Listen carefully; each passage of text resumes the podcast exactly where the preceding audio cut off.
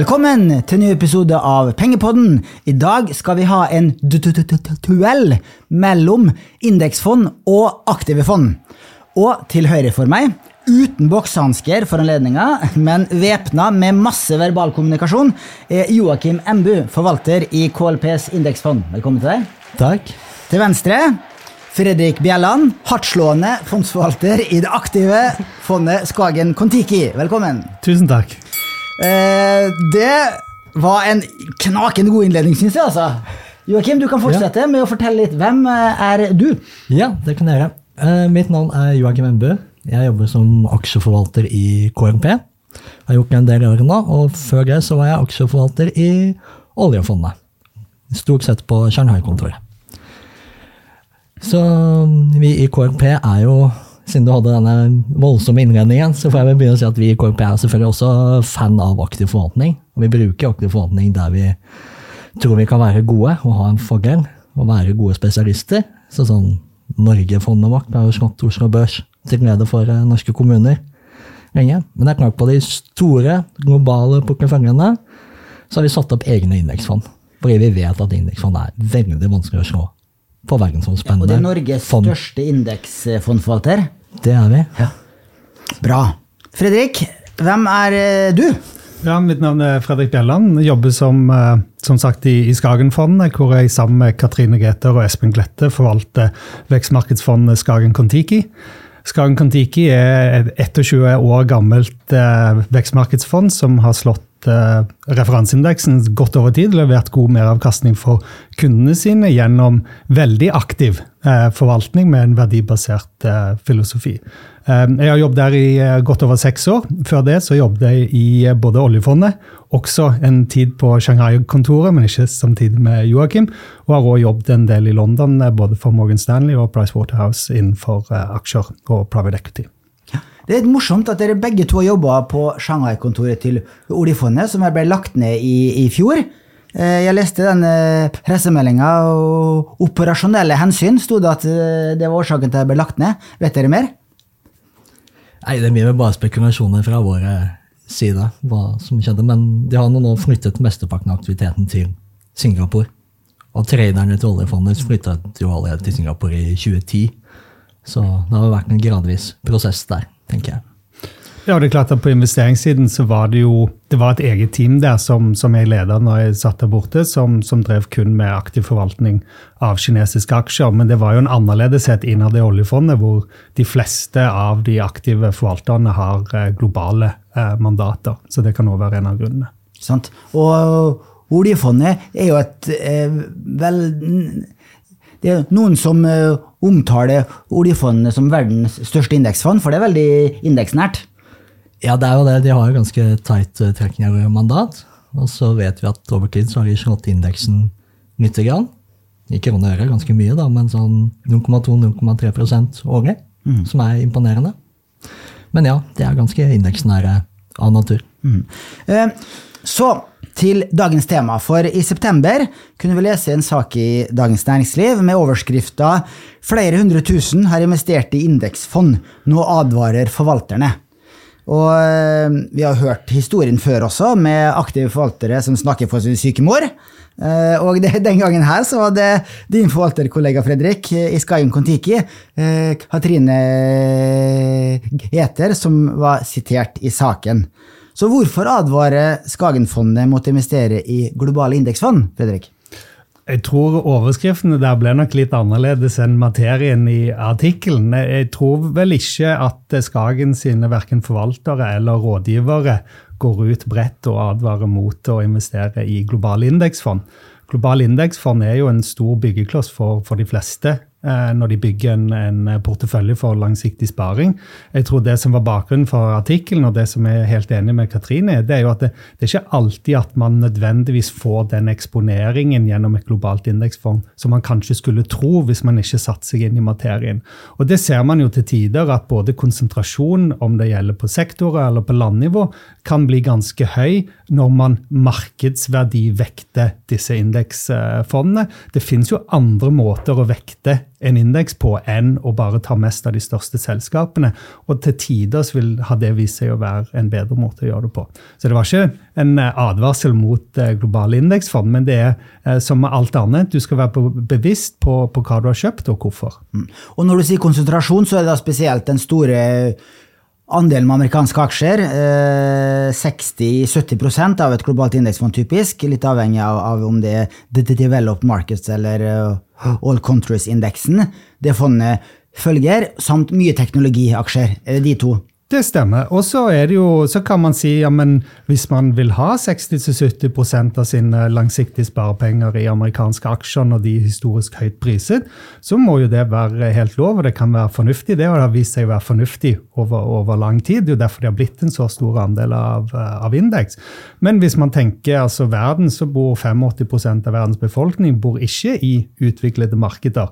Og Derfor vil jo en forvalter som Skagen, og kanskje gjerne han som forvalter vekstmarkedsfondet, si at det finnes eh, kanskje andre måter å vekte sin langsiktige sparing på, som tok høyde for andre ting enn bare hva er verdens største selskaper akkurat i dag. Mm.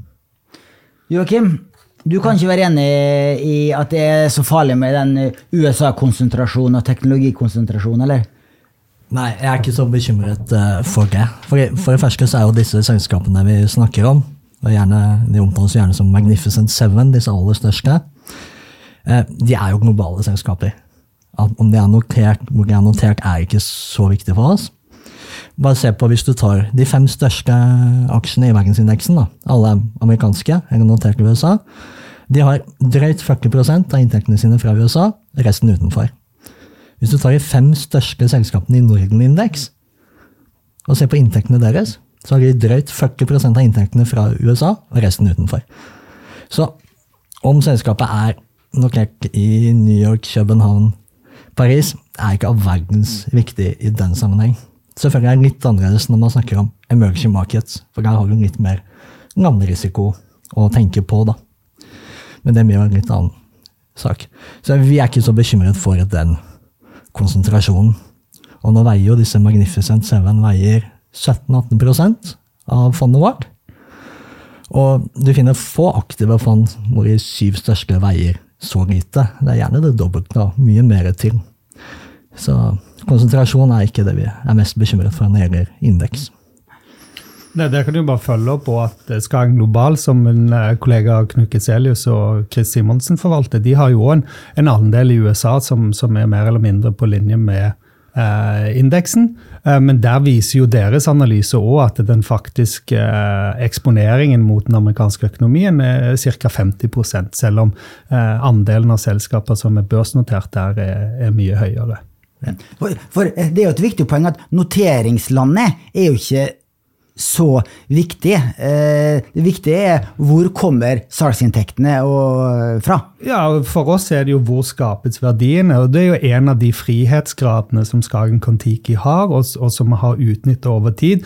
Og det er jo når vi ser på hvor det er eh, feilkarakterisering av selskaper, enten på bransje eller på land, eh, hvor man kanskje får andre verdsettelser enn man ville fått hvis man var notert et annet sted, eller ble klassifisert som en annen type selskap. Så Spesielt gjennom konglomerater og holdingselskaper og sånn, så, så, ser vi jo veldig ofte den type mindre effisient behandling av markedet. Eh, men så er det òg verdt å si at aktiv forvaltning eh, eller ikke, det, det, er mange forskjellige måter å, å definere definere det på. Altså Én ting er å si eh, man har bare én indeks, og alt annet er, er, aktiv forvaltning. Det vil jo jeg argumentert at hvis du, hvis du bygger en portefølje som ikke er lik alt annet, så, så, er jo det faktisk aktive valg. Om det er en forvalter som sitter og gjør enkeltaksjevalg eller ikke, det er ikke det som gjør det til aktiv forvaltning eller ikke. Det er annerledesheten i det du prøver å oppnå, og hvordan, hvordan man gjør det. Ja, det er vi jo helt enige, Fredrik. og det det er mange indeksfond eller indeksinstrumenter man kan bruke til å ta aktive valg. Dere i Nordnett vant jo akkurat en kåring på beste norske fond i fjor, med Nordnett eh, Tech indeksfond. Men er, nok, vi er alle enige om at det å kunne investere i teknologi, om det så er teknologiindeks, er jo et veldig aktivt valg. Så når vi snakker aktiv og passiv her, så snakker vi stort sett om de globale indeks mot en forvaltet, aktiv forvaltet eh, global. Sant? Mm. Ja, for, for hvis du kjøper et global indeksfond, da skal du jo eh, være investert i hele markedet. Men det er jo en liten sannhet med modifikasjoner for de fleste globale indeksfond, inklusive Nordnett sitt og DNB sitt, f.eks., eh, det følger jo bare developed markets. Og da får du ikke eh, emerging markets, altså vekstmarkeder. Og det er det nok mange som ikke er klar over. Ja, det, det, kan, det er nok helt riktig. Og så er det at det er et kostnadsnivå knytta til dette. Og det er jo at de indeksfondene som, som følger MSCI World istedenfor MSCI All Country World, som inkluderer vekstmarkedene, er jo tradisjonelt sett billigere. Og de fleste, når de velger et bredt eh, globalt indeksfond, er nok kostnad noe av det, det første de sjekker. Og, og da må man jo si ja, men ved å eh, korte ned den kostnaden med 0,1-0,02% i året, som kanskje er forskjellen mellom et indeksfond som har emerging markets og ikke, eh, er, det, er det, den sparingen der verdt eh, for å unngå eh, å ha med 85% av verdens befolkning i investeringsuniverset ditt? Jeg vil KrP mener også at man bør diversifisere seg best mulig. Nå har jo ikke emerging markets vært noen suksesshistorie de siste ti årene. Men vi har også indeksfond på emerging markets. Så hvis du ser hvor KRP selv har plassert sine penger, så er jo det i developed markets, emerging markets og small cap indeks. Og selvfølgelig aktive fond, der vi tror vi har en edge, som da i praksis vil si Norge og energi. Sant, ja, for uh, KLP har jo to globale indeksfond. Du har en uh, KLP aksjeindeks global, som følger developed market. Så har du det verden, som følger da all countries, som inkluderer vekstmarkeder? Ja, du kan si vi forvalter egentlig da global indeks, som da er developed markets, og så har vi emerging markets index.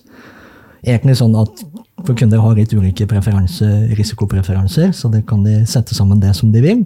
Men vi har jo også laget, særlig for eh, personkunder, en fondspakke med disse to vektet, hvor eh, da det er ca. 85-15 da, fordeling kan også nevne at eh, Storebrand indeks alle markeder er jo også den, eh, et globalt indeksfond som inkluderer vekstmarkeder. Ja. Eh, og hvis du kan kjøpe Nordnett sine fond, så må du da kombinere globalfondet med emerging markets-fondet. Sånn 85-15 eller 90-10 ja. cirka.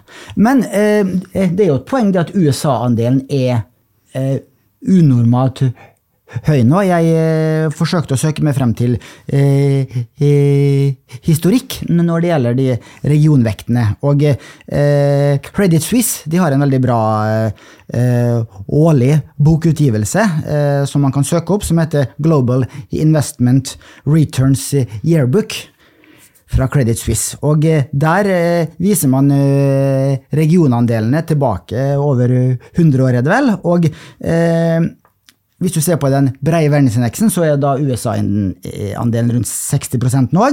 60% nå. Og det er da nesten like høy som den historisk høy som var på 60-tallet. Den gang var den på rundt 70% Men etter finanskrisen, altså slutten av, på slutten av 1980-tallet, så var USA-andelen nede på 30% og dersom USA-andelen skal ned til disse nivåene igjen, da, så blir det en halvering fra dagens nivå. Det betyr mange år med svak avkastning for de som sitter med global indeksfond, Joakim? Ja, og jeg tror her er kanskje litt av eh, hva skal vi si, misforståelsen hva et indeksfond er. Du kan si eh, et globalt indeksfond har jo da ca. 5% i Apple. Det betyr at alle aktive forvaltere og tradere i markedet i snitt har også 5% av sin portefølje i Apple. Det er sånn indeksen er laget per definisjon. Så ja, skulle nå Apple-aksjen implodere til i morgen og forsvinne, så vil vi tape 5% og det vil gjennomsnittet av de aktive forvalterne også gjøre. Noen aktive forvaltere har ikke Apple og vil eh, se smake ut. Noen er overvektet og vil eh, framstå mindre heldige da. Men i sum så er eksponeringen akkurat den samme. Men så er det selvfølgelig aktive forvaltere som velger annerledes og har større spredning på sin portefølje. Altså du sier at det er en del aktive forvaltere som har mer enn 60 eh, amerikanske aksjer i sitt globale fond nå? Det må det være. Ja. Nødvendigvis.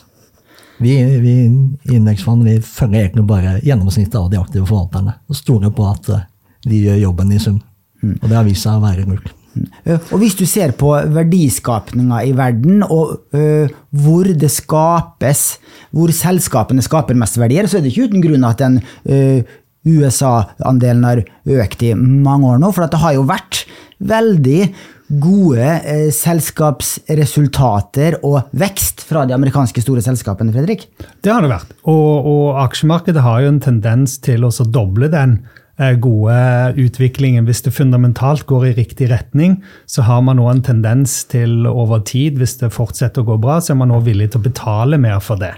Og, og det ser man jo, de store vendepunktene du, som du snakker om i markedet, om det er fra toppen på, på 60-tallet med amerikanske aksjer og så etter finanskrisen, det er jo store vendepunkter i vekten på amerikanske aksjer og, og på verdsettelsen av den type aksjer. Så en av grunnene til at Kon-Tiki ble et veldig populært fond i, i Norge og i Europa, er jo nettopp det at det ble lansert akkurat på det tidspunktet når vekstmarkedene var veldig lavt priset på, i historisk nivå, og hadde en, en periode foran seg da hvor ting gikk bedre enn det hadde gjort historisk. Og man ble over en tiårsperiode villig til å betale mer for den forbedra inntektsstrømmen over tid. Og, og, det er jo en av de tingene som, som aktive forvaltere skal utnytte. Hvis man ikke klarer å utnytte de største feilprisingene eller vendepunktene i markedene, så, så forsvarer man jo ikke eh, den annerledesheten man, eh, man tar betalt for. Og så ville jeg sagt at eh, det å det å ha et market cap-vekta investeringsmandat, hvor man kjøper mest av det som er størst, det er jo litt som å kjøre bilen med å se i bakspeilet. Det er jo det som har skjedd. Det kan gjerne være at det, fortsetter, og det kan gjerne gå bra å kjøre rett frem når man kikker i bakspeilet. Men igjen, det man som aktiv forvalter tar betalt for, det er jo også å se fremover. Og så kan man si at i snitt så må alle aktive forvaltere gå, gå Kan ikke alle ha rett. Og det, det, er helt rettferdig. Og når man tar mer betalt for det, så må man da òg i snitt underprestere. Joakim, Fredrik sier at du kjører uh, bil med å se deg i bakspeilet. Det høres farlig ut. det høres farlig ut. Ja. Nei, vi tror jo at den relevante informasjonen man trenger om selskaper for å investere i det, ligger i den prisen som er i markedet. Den prisen er nesten utelukkende satt av aktive forvaltere. Jeg regner med at alle de ser framover når de kjører, så den prisen er ganske framoverskuende på hva man forventer av selskapet. Så det er nok egentlig det som er eh, og så det du sier, at det er, det er så dårlig sikt det er så dårlig sikt at du kan like gjerne sette på autopilot? ja, ikke sant, men det, det er at du har jo tusenvis av aktive forvaltere og analytikere ned på minste detaljnivå, som er stadig bedre verktøy sitter hver eneste dag og priser disse selskapene. og eh, de prisene er observerbare i markedet. Vi vet De er ikke perfekte, men de er jaggu ikke så gale heller. Ja. Nei, altså Over tid så, så argumenterer vi jo at eh, avkastningen fra markedet skal jo være tilsvarende avkastningen i markedet, altså hva selskapene leverer. Men igjen, grunnen til at Skagen har hatt suksess med sin verdibaserte og aktive forvaltningsfilosofi, er jo nettopp fordi at det til tider så prises inntektsstrømmer veldig veldig annerledes. Og det er mulig å skikke rundt neste hjørne, eh, eller ha et rammeverk som gjør at du ikke går på de største fellene. Og, og det å si at i sum så har alle aktive forvaltere gjort en god jobb de siste to årene, det, det aksepterer jeg ikke. fordi at det, Når man ser på bare ser amerikanske markedet eller de største tech-selskapene, så har jo mange av de omtrent gått i null de to siste årene. Men det er jo etter en, en 40-50% nedgang ett år, og så 50-60-70 oppgang eh, eh, neste år. Så det er ingen tvil om at det er mulig ved å gjøre ting annerledes å utnytte den type kortsiktige feilprisninger. Men, men igjen, det å vite det i forkant det er jo det som er vanskelig, ikke det å kommentere på det i ettertid. Mm. Det er nok sånn Fra et år til annet så vil jo ca. halvparten av de aktive forvalterne slå den andre halvdelen. Og vi som er indeksfond, er i midten. Det, men det som er vanskelig, er selvfølgelig å vite hvilken aktiv forvalter er posisjonert for det regimet vi kommer inn i. Det er veldig vanskelig. ikke sant? Du ser ofte aktive fond har sine glansperioder, og så har en tendens til å slukne litt, og så kanskje du kommer tilbake igjen med hvem som nå er posisjonert riktig for de kommende tre-fem årene, er utrolig vanskelig å, å, vite. Og det ser man jo også. ikke sant? Jo lengre tidshorisont man ser på aktiv forvaltning, jo færre av de aktive fondene klarer å slå sitt eget gjennomsnitt, dvs. Si indeksfondet. Det er jo et veldig godt poeng. Eh, ditt fond, Skagen Motiki, har jo eh, tre av fem stjerner i Morningstar, eh, og det er jo da på snittet. Eh, Joakim sin indeksfond har eh, enten tre eller fire stjerner. Så snittet ditt ligger på rundt eh, tre og en halv, så vidt jeg kan se. Og det vil si at du slår gjennomsnitt av fondskategorien. Eh, så og, og, og, fondskategorien er jo indeks minus, minus eh, AUM-vekta kostnader. Så det er klart at Ved å ha lavere kostnader og gi tilsvarende lik avkastning, så, så gjør man det per definisjon eh, bedre. Og så er nok Morningstar den er jo vekta på forskjellige tidshorisonter. Jeg tror de færreste ville, eh, ville sagt at Kon-Tiki ikke er et uh, veldig godt fond, gitt at det har levert meravkastning på mer enn 3% årlig i 21 år. Men måten Morningstar vekter det på, er at de har 10 år, 5 år, 3 år og 1 års vekting. Og det er klart at det har vært en periode i den 20-årsperioden hvor fondet ikke har levert på, på, samme måte som det har gjort i snitt over hele den per perioden. Og så må jeg si at år med, med, det teamet som er på, på, fondet nå, så har jo vi levert eh, meravkastning tre av de fire siste årene, og både på over tre år og, og, og fem års uh, horisont. Så igjen, uh, det er en periode i midten, men på, på totalen og, og, og det når vi har jobbet sammen på den måten vi gjør, så, så er det mulig å levere meravkastning.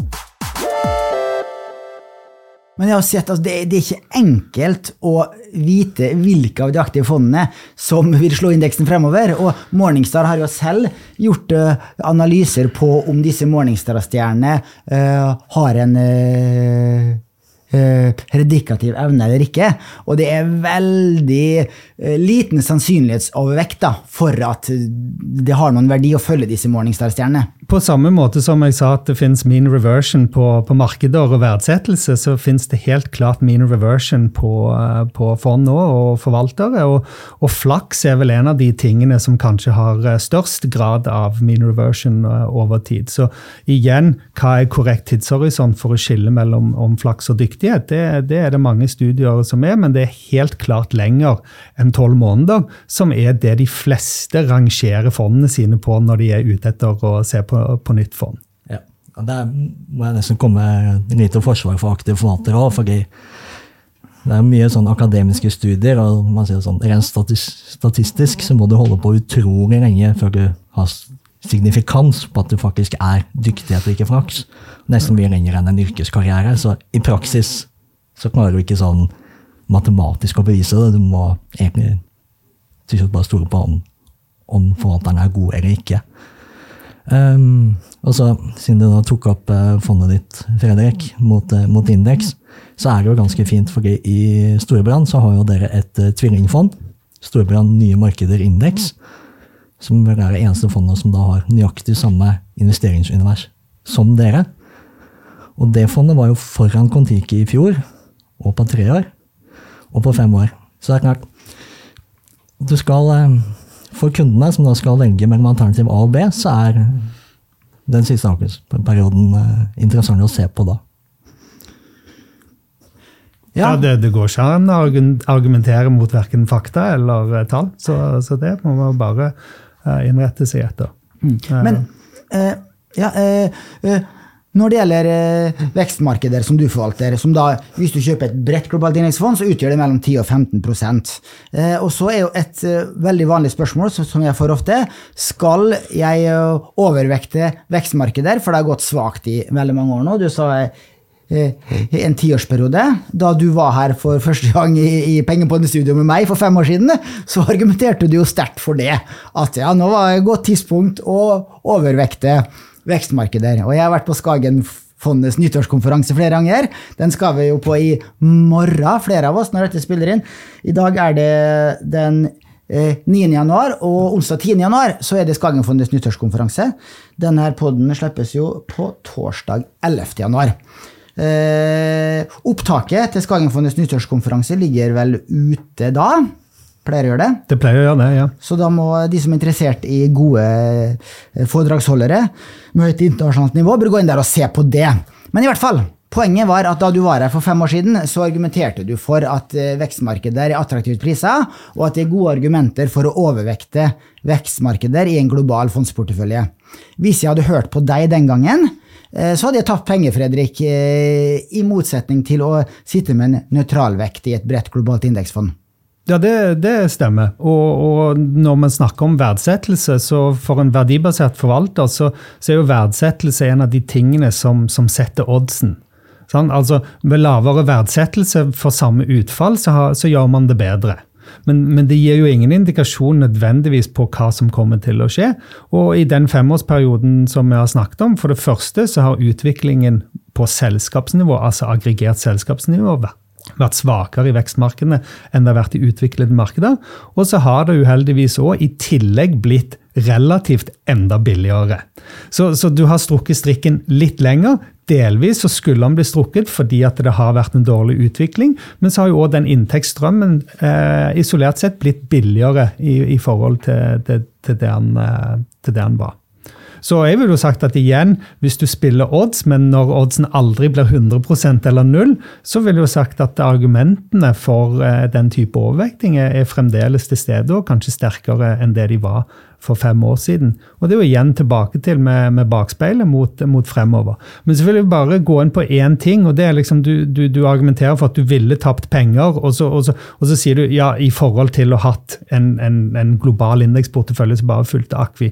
Og, og, der tror jeg er litt av nøkkelen mellom den diskusjonen mellom byggeklosser og aktiv mot uh, aktiv forvaltning, indeksfond og sånn. Altså Til syvende og sist så handler jo investeringer og sparing om hva er målsetningen din. Og for folk flest så er jo ikke målsetningen å få indeksavkastning uavhengig av hva den er. Så, så igjen, hvis, hvis, du har et definert sparemål om tre år, så ville jeg jo argumentert for at å kjøpe et globalt indeksfond i dag ikke nødvendigvis er der du burde puttet alle pengene. Men det er klart at hvis du har en uendelig eh, tidshorisont og ikke noe behov for de pengene, så har jo det å vært eh, globalt eh, investert i et indeksfond vist seg å være historisk veldig bra.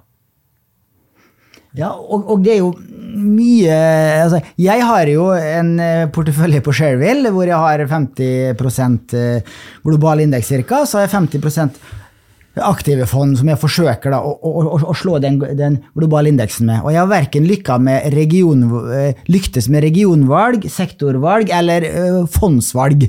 Uh, jeg har tapt på alle tre veddemålene mine og har mindre avkastning på ett og tre års sikt på den aktive delen min.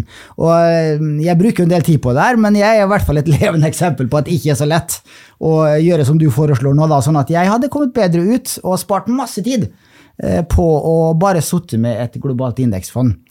Og, og, og, det er ikke lett nå når vi står her i dag, da. Hvordan skal en alternativ portefølje se ut som har sannsynlighetene med seg for å slå et globalt indeksfond? Nei, det er ikke vi, altså, vi skjønner alle at noen selskaper vil vinne framover. Noen sektorer kommer til å dominere, og noen regioner kommer til å være best. Men hvilke er utrolig vanskelig å si. Og jeg er enig med dere når det gjelder fremvoksende markeder. Eh, jeg, si, jeg er glad jeg er indeksforvalter, for jeg hadde nok også gjort, tenkt at framvoksende fremvoksende markeder har vært billig den siste tiden. Men regionallokeringer er utrolig vanskelig. Jeg ser bare på oljefondet siste ti år det er jo langt bak global indeks, med eller uten framvoksende markeder. Rett og slett fordi de har aktivt vektet opp Europa veldig aggressivt. En, som var jo da strategisk gitt fra Finansdepartementet. Så til alle lyttere som har sittet med global indeks de siste ti år, så er det bare å gratulere. Det har slått oljefondet. Når det er sagt, så har oljefondet lykkes godt med de aktive grepene de har gjort. Det vet vi jo. De har jo slått denne referanseindeksen de har fått av Finansdepartementet, men det har ikke vært i nærheten av å ta igjen disse 50 prosentpoengene som regionsbettet har eh, hemma de med. da. Det, det, er jo et viktig poeng. Det er veldig viktig, og det får ikke nok oppmerksomhet tror jeg, i Norge, fordi at man bare tar referanseindeksen som er gitt eh, fra Finansdepartementet som gitt. Og så tror jeg det som oljefondet har vært dyktig på, det er jo innenfor det mandatet som man har fått, hvor velger man å bruke ressurser på veldig aktiv forvaltning for å kunne levere meravkastning. Og der kan jeg bare si Min egen erfaring der var jo at det, eh, jobben, når du faktisk hadde et mandat til å drive aktivt, så, jo, så, skulle du ta så aktive valg nesten som mulig. Og for når, når jeg satt i Kina, så var jo det et område hvor i forhold til eh, pengemengden hadde vi veldig store ressurser. Vi var jo et team på, på syv stykker som, som, satt der borte og kun forvalta en veldig liten del av den globale aksjeporteføljen.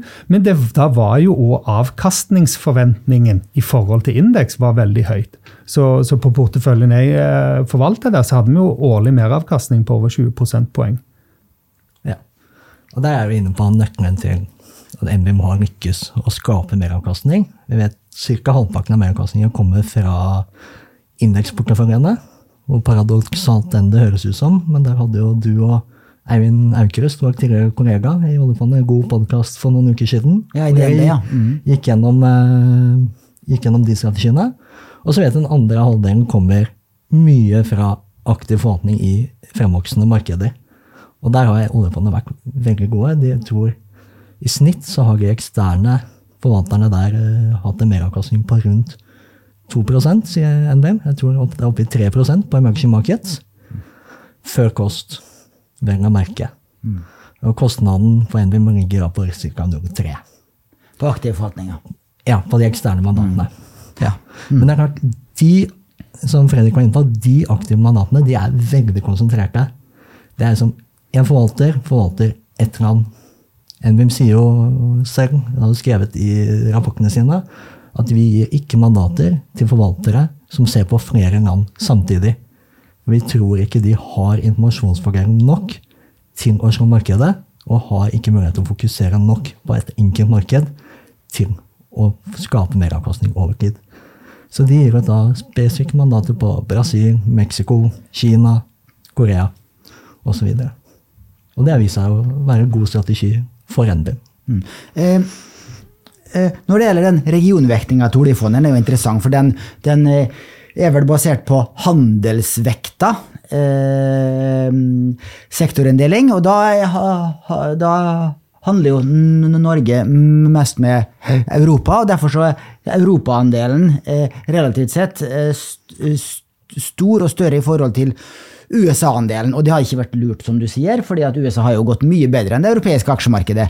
Jeg spurte Nicolai Tangen og eh, Trond Grande på Arendalsuka for halvannet år siden om det her, for de har jo søkt til Finansdepartementet om å endre den regionindeksen og få en høyere USA-andel.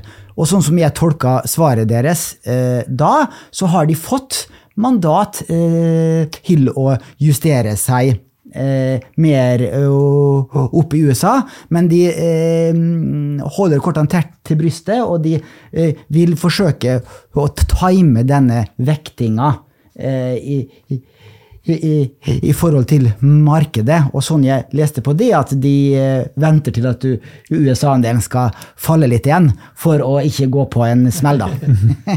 er det sånn dere har tolka det, eller? Jeg har tolka det, og jeg tror nok det er fornuftig når man først ligger med den kjempestore porteføljen man gjør, så er det nok lurt å ta det gradvis mot en market cap-indeks.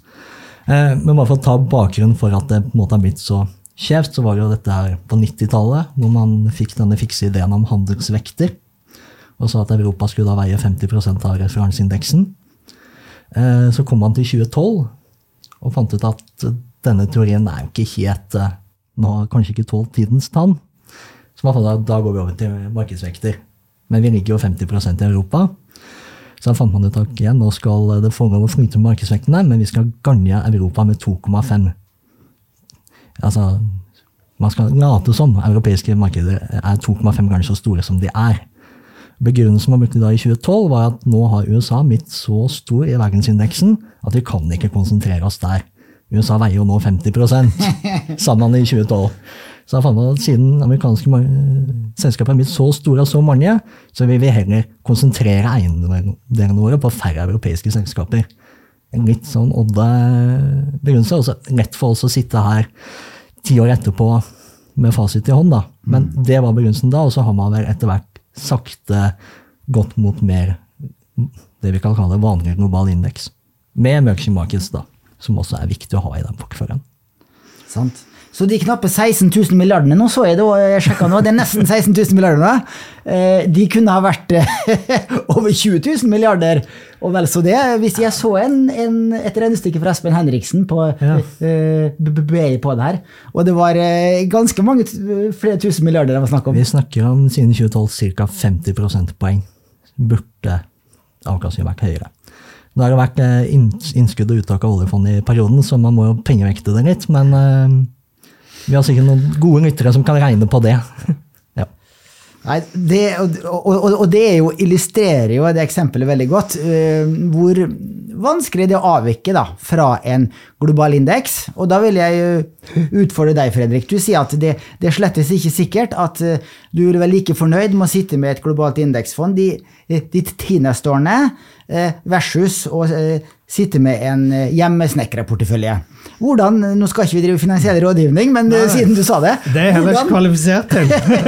hvordan skal en slik hjemmesnekkerportefølje se ut? Nei, altså jeg ville jo argumentert at en, hjemmesnekkerportefølje må jo ha som mål å oppnå det du skal prøve å oppnå. Altså Hva er dine finansielle mål?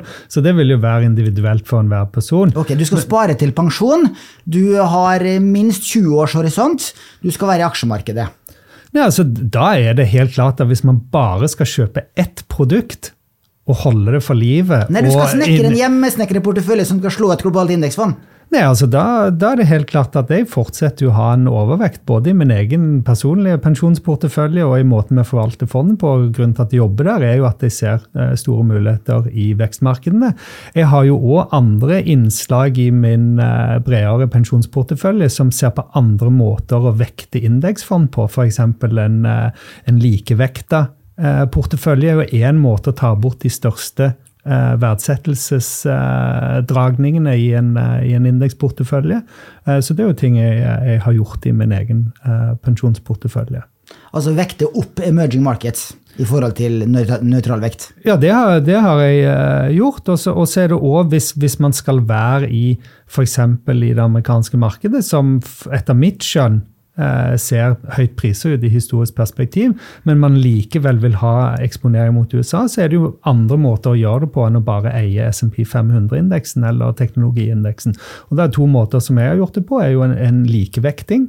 Altså, eh, Du kan ta SMP 500 likevekta istedenfor å eie mer av de største. Og En annen måte er jo, sånn som man nå gjorde i oljefondet, er jo at man, man har jo visse faktortilter man legger inn. Så verdifaktoren er jo en faktor som over tid leverer, har levert meravkastning eh, i amerikanske markedet òg. Så man kan ha, ha porteføljer som, eh, som systematisk følger den type ting. også. Men eh, hovedbolken i min pensjonsportefølje det er, eh, det er glo globale aksjer og et godt tilslag av eh, Skagen som, som tilbyder av, av de.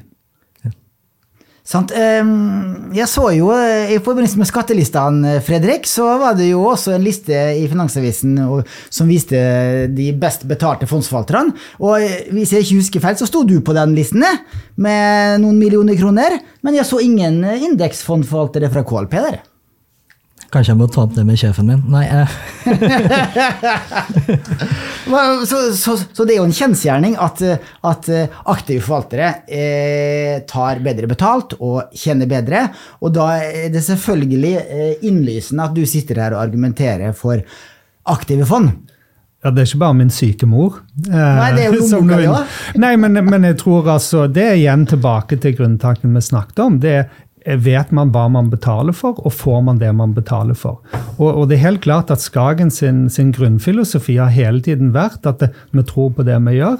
Og når kundene gjør det bra, så, så gjør vi det òg bra. Og når, når kundene gjør det spesielt bra, så, så gjør, har Skagens forvaltere historisk sett òg gjort det veldig bra, og spesielt eierne, eh, som, nå, som nå er Storebrand. Og, og det henger jo med at eh, Skagen, eh, som er blant eh, de få forvalterne i Norge, tar jo også såkalt suksesshonorar. Så det er jo at når Skagen Kon-Tiki gjør det bedre enn referanseindeks, så tar vi litt bedre betalt. Det er 90 i favør andelseier og, og 10 i favør forvalter. Men det som er annerledes i forhold til mange andre forvaltere, det er jo at vi gir jo også tilbake honorar når vi gjør det dårligere enn referanseindeksen. Så det er en symmetri der i måten vi tar betalt på. Så, så utgangspunktet er en, en, honorar, men det kan gå både opp og ned, avhengig av resultater. Og når du refererer til perioder når inntjeningen i, i fondet har vært bra, så reflekterer det oss, også oss forvalterne. Mm. Men forvaltningshonoraret kan ikke gå ned i null? Nei, i, i Kon-Tiki er forvaltningshonorargulvet 1% ja. ja, og 1 er jo, er jo grei betaling, det. Ja, det kommer jo, kom jo, an på størrelsen på fondet, da. Ja. Det er vel 8-9 milliarder, ikke Ja, det er litt større. Blir salt på grøten, det? Ja, nå, nå, er vi jo for flere forvaltere, og det, det, og det, kreves jo mer å forvalte et fond, eh, spesielt et aktivt fond, enn bare et team på tre forvaltere. Vi har jo ganske stor organisasjon eh, rundt oss. Ja, for dere er jo ganske billige. Eh, dere har ja. vært den billigste indeksfondforvalteren over tid. Eh, og det er jo fordi at dere trenger færre folk, har lavere marginer. Dere er jo eid av norske kommuner også. Ja, så det er jo det er klart det er flere grunner til at vi kan være så billige. Det ene som du sier, er selvfølgelig at eh, Fredrik og de aktive forvalterne tar jo store kostnader ved å analysere selskapene, mens vi bruker prisene som er i markedet, som er nesten gratis. Så det er klart, eh, De tar en stor kostnad som vi er glad for at vi slipper. Og så er jo selvfølgelig også litt uh, forskjell at hovedbolken av de pengene vi har i KRP global indeks f.eks., er jo KRP sine egne penger. Det er kommunenes pensjonspenger og helseforetakene. Så vi, jo, vi lever ikke på, i utgangspunktet av forvaltningshonoraret, vi lever av den avkastningen som kommer direkte. Det er det er på en måte den avkastningen som på mange måter er bunnlinja vår. Mm. Så for oss så kan det gjøres ganske effektivt. Sant, ja. Um, um, et vanlig argument imot indeksfond er jo det at det, de eh, investerer jo stort sett etter markedsvekter, og når det kommer mer penger i indeksfond, så kjøpes enda mer av de dyreste selskapene, og det presser opp verdien på de dyre selskapene og skaper en boble i de mest verdifulle selskapene. F.eks. at Apple da er verdens mest verdifulle selskap. Det har ikke vokst på fire år, er det vel, og har en, en PE-pop på 30 eller noe sånt. Det høres litt rart ut, eh, vil mange påstå. Skaper eh, du og dine indekskolleger en boble, Joakim? Nei, i hvert fall ikke de største navnene i indeksen. Eh, når vi kjøper Si at vi skulle få inn en milliard kroner eller dollar i global indeks, da går ut og kjøper 1500 selskaper. Der vi eh, har minst impact, eller påvirker markedet mest, er jo i disse superlikvide aksjene. Det er jo sant, i det vi kaller indekshallen, de små aksjene, aksjene i indeksen, hvor vi kanskje dytter prisen mest når vi handler. Så en annen måte å tenke det på, da. Du kan si KRP aksjer global indeks eier ca. 0,02% av alle aksjene som finnes i Apple. Vi eier også 0,02% av alle aksjene som finnes i Mohawk Industries og Robinhood Markets, som kanskje er i minste i SMP 500-indeksen. Og det er klart hvis vi, Når vi kjøper av disse aksjene, så påvirker vi det minste selskapet mye mer enn det største. Så Apple er mye verdt, men det er ikke fordi ikke pga. indeksfondene. Indeksfondene eier like mye Apple, altså like stor eierbrøk i Apple, som de har i de små selskapene. Og Apple er mye mer likvid per eierbrøk. Det er jeg faktisk helt enig i. Og, og, og det, det, at eh, pengene går inn eh, og, og følger en indeks, hvis det skal ha en stor effekt, så, så, argumenterer du egentlig for at da ville de pengene ikke kommet inn i aksjemarkedet allikevel. Men, men, det som faktisk kan gi større utslag, det er jo at hvis du har en veldig aktiv forvalter i et nisjesegment eller en, en strategi som ikke er veldig skalerbar, og, og kanskje ett år har veldig, veldig høy avkastning, men har kjøpt eh, små eller illikvide selskaper, og så plutselig blir det mest populære fondet på Nordnett-plattformen og de tredobler forvaltningskapitalen, så vil jeg si at det har en mye større impact på, på, markedet enn om penger går inn i et indeksfond. Så det, det, er jeg faktisk enig i. Det er ikke ett av argumentene mot, uh, mot indeksforvaltning. Nei, og der var jo også, Dere var inne på en likevektet indeks. og det um, kjenner Hvis man vil ha en small cap-tilt, sånn, så kan det sikkert være fornuftig. Men grunnen til at det ikke finnes veldig mye likevektede indeksfond, er jo litt litt av den samme begrunnelsen. Tenk deg nå at jeg fikk inn en milliard i fondet mitt og skulle kjøpe det likevektet. Det betyr at jeg måtte kjempe ganske stor eierbrøk da, i disse små selskapene. Robin Hood Markets, da, for å ta det som eksempel. Faktisk så måtte vi da alle indeksfond eie mer enn til sammen eie mer enn 100% av Robinhood Markets for å få like vekt som Apple. Det går jo ikke. Det synes jeg at Da hadde man jo påvirket den prisen noe vanvittig. Så det er nok egentlig det korte svaret på hvorfor det ikke er mer likevektede indeksfond der ute. Ja, for de undersøkelsene jeg har sett også, så har disse likevektige indeksfondene gjort det svakere enn markedsvektet. Eh, Sånn at eh, eh, de, er ikke så populære av den grunn at avkastningen ikke har vært så bra, og så er de heller ikke så populære fordi at de vil, de vil eh, forstyrre markedsmekanismene også hvis de skulle bli store. Ja. Ja. Men selvfølgelig, det vil jo være perioder hvor likevektet indeks vil slå market cap indeks. Det, det vil det nok være, men vi vet ikke når. Nei. Og eh, en annen løsning Jeg var nesten overraska over at du ikke også svarte når jeg spurte deg hvordan skal en slik eh, portefølje se ut, som da har sannsynlighet for å slå et globalt indeksfond, eh, og ha overvekt i small cap. Eh, selskaper, for Jeg har sett flere og flere nå som, som sier at nå har da eh, disse large cap-selskapene gjort det så vanvittig bra over veldig mange år, så nå er det naturlig å forvente en min reversion, nemlig at eh, et globalt small cap-fond eh, skal slå et large eh, large cap-fond fremover. Du vil bare si at den Likevektingen i SMP 500 er jo en form for, eh, for small cap eh, bias, som Joakim var inne på. Og så er det jo det at eh, altså Vi ser jo med Skagen Fokus, som er vårt globale små og mellomstore eh, selskapsfond, så er jo det òg historisk sett veldig veldig attraktivt priser i, i, i forhold til, eh, til deres indeks. Og, og vi ser jo òg at det fondet har en del overlapp med med beholdninger i Skagen Kon-Tiki òg. Så det er jo en del av sånne små og mellomstore selskaper i vekstmarkedene som, som er billig. Så, så jeg er enig i at det, det, det finnes den type strategier som, som helt klart har både en, en teoretisk eh, grunnlag for å kunne gjøre det bra, men, men igjen, den type strategier er vanskeligere å utøve i stor skala.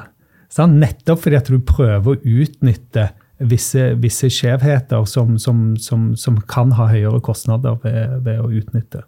Mm. det med, eh, vi diskuterte small cap forleden, Joakim, og det var interessant. For eh, dere er jo en av de få norske forvalterne, var kanskje eneste, som har et, et globalt indeksfond som følger en small cap i indeks. Det er riktig. Og jeg spurte deg om eh, er det noe overlapp mellom eh, HLP, eh, aksje global indeks, og KLP, HLP, aksje global indeks small cap. Da svarte du at nei, det er ingen eh, selskaper som finnes i begge fondene. Nei. For det, rett og slett per definisjon så har MSCI tatt kall det hele universet. Så sier man at de 85% største selskapene de kaller vi en gang som midcap. Og de neste 14% kaller vi for small cap. Og så har vi 1% igjen som er microcap, og der vil vi selv ikke en indeksforvalter anbefale indeksering. Så, men small cap har vi jo. Igjen så er jo fordi KRP også ønsker å diversifisere aksjeeksponeringen sin mest mulig. Så ja, som sagt, small cap utgjør da nødvendigvis ca. 14% av verdensindeksen all cap. Så da er jo det et naturlig utgangspunkt for en allokering. Men du igjen, altså, måten du ville økt eller begrensa den, den allokeringen, må jo være basert på noe. Og, og da, da, vil jo verdsettelse være en av de tingene man, man ville brukt for å kunne være nærmere de eh, punktene i, i sykelen når, når, ting snur. For igjen, det er veldig lett for oss å sitte her og, og, og tenke på de siste 10 årene eller 13 årene siden finanskrisen og si sånn har det vært i mesteparten av vår karriere, og sånn blir det sannsynligvis alltid fremover òg. Men, men, det finnes jo en del uh, forvaltere som, som, hadde ganske store arr etter å ha sittet i uh, amerikanske aksjer fra 2000 til uh, 2010, hvor vekstmarken i den perioden jeg tror leverte på indeksnivå meravkastning mot USA på rundt 20 prosentpoeng i, i, i året i, i, den perioden. Så, så, så, det er lange, lange linjer i hva som skjer i markedene, og, og da er det liksom hva er rammeverket for å posisjonere seg best mulig på, på ytterpunktene. Da, for, vår måte å gjøre det på er jo verdsettelse og være fokusert på enkeltaksjer som, som har andre drivere for avkastning enn, en bare det som skjer i, i, markedet. Men det er mange mange måter å gjøre det på. Og i oljefondet så brukte vi jo alle. Eh, sant? Du brukte faktorer, du brukte makrosyn, du brukte aksjeplukking. Eh, og det må jo eh, det må jo enhver som bygger portefølje, være bevisst på de valgene en tar, og hvorfor. Ja, Ja, det, er jo, det er jo veldig morsomt og interessant og lærerikt å prøve, men jeg pås, vil fortsatt påstå at du har sannsynligheten imot deg hvis du prøver å sette sammen en hjemmesnekra portefølje og slå et globaliseringsfond. Ja, og jeg Er tenker på det på, på samme måte som, som vi gjorde når jeg jobbet i oljefondet òg. Det at det- indeksen er jo avkastningskravet. altså Det er jo opportunity cost. Altså, Det var veldig lett innad i oljefondet, for at da hadde du en markedsportefølje som fondet skulle ha, med, med veldig små avvik på totalen. Men du kunne ha veldig store avvik innad. Men da var det jo ganske enkelt. Her får du en del av den globale porteføljen. Det er avkastningskravet som oljefondet har, og, og hvis du kan levere bedre enn det, så forsvarer du plassen. Enkelt og greit. Og, og Sånn er det jo litt også i, i den aktive forvaltningsverdenen. Altså, avkastningskravet vårt er jo i utgangspunktet indeksavkastning pluss forvaltningshonorar. Og hvis vi eh, vil, vil ha en variabel inntekt til så må vi jo gjerne gjøre det enda bedre enn det igjen. Så det går jo an å bygge opp avkastningsforventningen vi må levere innad i porteføljen for å, å tilfredsstille de kravene alle rundt oss eh, stiller. Og det er ingen tvil om at sannsynligvis det vanskeligste avkastningskravet å møte over en veldig lang tidshorisont er et globalt indeksfond. Ja, Det får vi i KMP ta som et kompliment, da. Eh, sant? Men det er også in- in- interessant å spørre deg. Du, eh, KLP forvalter jo eh, tjenestepensjonene til hundretusenvis av nordmenn som jobber i norske kommuner, bl.a. min mor, Ja. som kommer på besøk i dag, som er pensjonert sykepleier. Ja. Hun får jo pensjon hver måned fra KLP. Sitter dere der og tar litt aktive veddemål innimellom? At ja, nå har small cap eh, lavt eh, verdsatt, og nå har eh, large cap gitt meravkastning i veldig mange år, så nå vil vi overvekte small cap i, i den eh, kommunale pensjonsporteføljen. Enten svaret på det er nei. Eh, Vi bruker, som jeg sa, vi bruker aktiv forvaltning, men ikke så mye på allokeringsveddemål. Men vi har selvfølgelig mye norske aksjer. Og i Norge så ser vi at eh, aktiv forvaltning kan eh, funke hvis du er god og spesialisert. Og det aktive fondet vårt i Norge har vi slått Oslo Børs 5 året de tre siste årene. Og det er vi jo selvfølgelig kjempeglade for. Og det er selvfølgelig givende for oss også indeksforvaltere å sitte sammen med disse aktive forvalterne og, lære av de. Så der bruker vi aktiv forvaltning. Men å vekte regioner eller small cap mot large cap, det, det er ikke det vi bruker mye tid på. Da må jeg få lov til å spørre eh, indeksforvalterne. Hva er det du tror som må, må ligge til rette for at et fond som KLP Norge kan gjøre det så bra uh, over tid? Og, og hva er det andre markeder for eksempel, hvor du ville uh, sett samme trekkene? Altså, Hva er det dere ser etter for oss å si her lønner det seg å drive med aktiv forvaltning? Vi tror det må være veldig spesialiserte mandater. Som jeg sa, oljefondet deler ikke ut eksterne mandater utover ett land av gangen. Eh, noen vil si at det kanskje til og med det er litt for bredt. Så kan man si at Norge er et lite marked, så da kanskje det er spesialisert nok. Eh, så i KRP så har vi jo da aktiv forvaltning i et norsk mandat, og så har vi et spesialfond, dvs. Si hedgefond, innen energi og shipping. Det er på en måte de si, snevre sektorene eller regionene vi har definert for oss, hvor vi tror vi kan være spesialister og ha en informasjonsfordel foran f.eks. utenlandske investorer. Som prøver å kanskje sitter i Frankfurt og prøver å slå en verdensindeks og prunker norske aksjer. Og det, også, og, og, det viser jo også undersøkelsene at eh, på globalt nivå så er det da en ganske lav andel av de aktive fondene som slår indeks. Eh, og på emerging markets også veldig lav andel. Eh, på de nordiske landene, og spesielt Norge, så har det vært mye mer, det vært mer enn 50% av eh, fond, de aktive fondene som har slått indeksfond. Så hvem er det som taper, da? Ja, Det, det er jo godt spørsmål. Hvem, hvem taper i Norge? ikke sant? Der kom det et, eh, en god studie fra BI for litt siden. Igjen med nevnte professor Espen Henriksen som veileder. Eh, For det er jo paradoks, som du sa, eller det høres ut som et paradoks, at aktive fond i Norge kan slå indeksen. Hvem, hvem taper? Ja. Um, en liten sannhet med modifikasjoner først. De fleste aktive norske fond taper mot indeksen, men de som vinner, vinner så mye mer at i sum så er det positivt. da. Og så fant de ut at de som taper, og da håper jeg ikke tråkker Nordnett-kundene på tærne her, men de fant ut at det var norske småsparere som sparer i enkeltaksjer. proffene tjente over indeks på bekostning av disse. Var konklusjonen fra den studien. Jeg har sett forskjellige studier, og, og eh, jeg har også sett at småsparerne i sum de taper mot Oslo Børs, om det er fondsindeks eller, øh, eller øh, hovedindeks. Og så eh, var det også institusjonelle eh, kunder, eh, minus Folketrygdfondet. For Folketrygdfondet har jo levert eh, meravkastning på 1% i året noe sånt, de, de ti siste årene. Eh, Kjempeimponerende. Og det er jo en, den- største aksjonæren på Oslo Børs. Så øh, øh, Men øh, det er nok ikke tvil om at retail-kunder verden over i snitt taper mot et tilsvarende indeksfond. Ja. Det er nok ikke tvil på. Ja. Men siden vi nå har snakket uh, retail-kundene i Norge litt ned, da, så kan vi snakke det litt opp på. For det kommer en studie her fra Espen Seidel. Espen Seidel i, i pensjonskassen Duvi, som uh, konkluderte med at norske småsparere var fenomenale til å time markedet. De Han sa- kjøpte bare feil aksjer. Ja, de kjøpte litt feil aksjer, men de gikk inn og ut på veldig gunstige tidspunkt. Så Stemmer vi, får gi det den, da. Ja. Ja.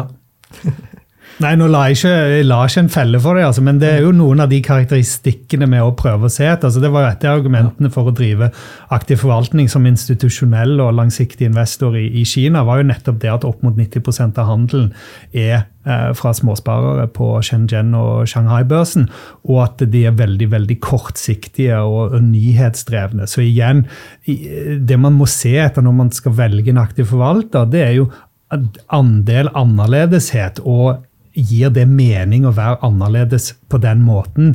Så med, En av de tingene vi posisjonerer Skagenfondet med, det er jo at våre fond har jo en aktiv andel på, på rundt 90% hvis ikke høyere i noen av strategiene.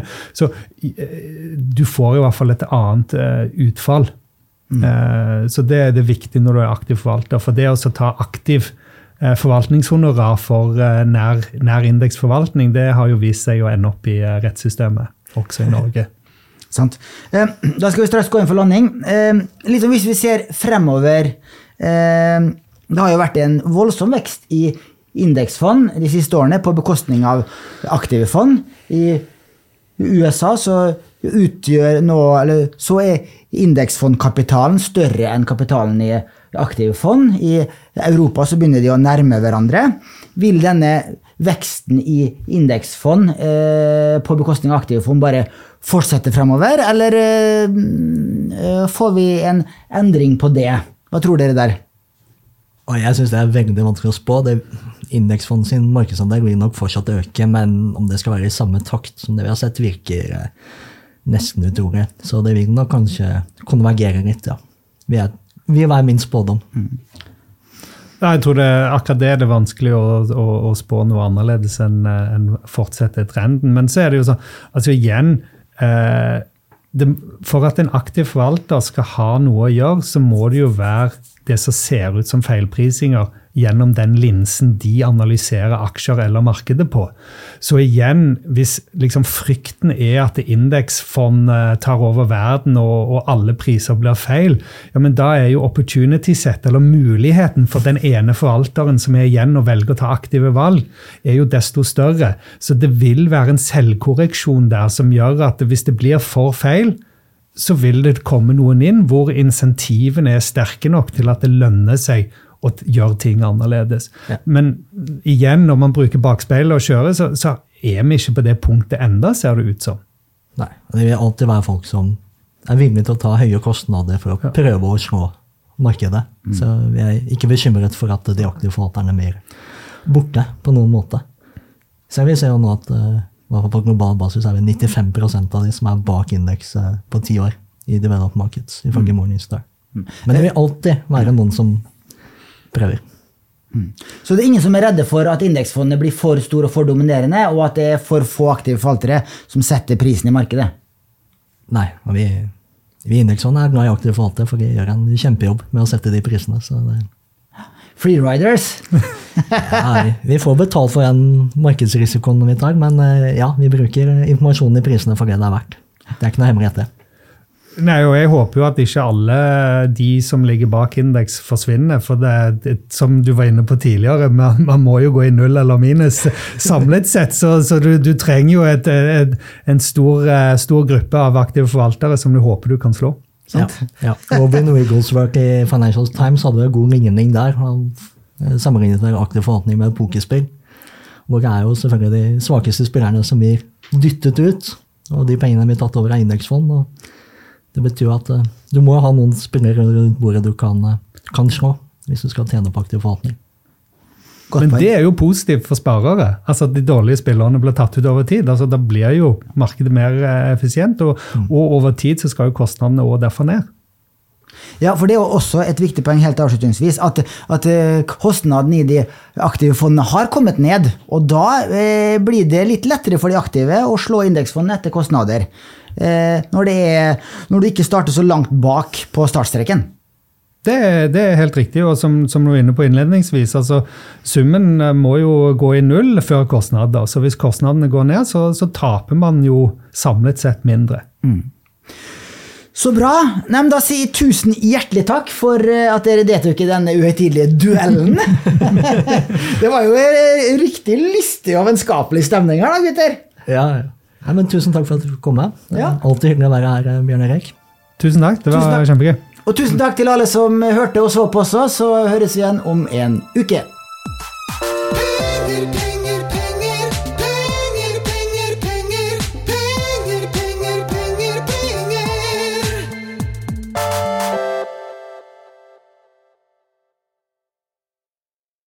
Denne podkasten skal anses som markedsføringsmateriell, og innholdet må ikke oppfattes som en investeringsanbefaling. Podkasten er kun ment til inspirasjon og informasjonsformål. Nornett tar ikke ansvar for eventuelle tap som måtte oppstå ved bruk av informasjonen i denne podkasten. Les mer på disclaimer-siden på nordnett.no.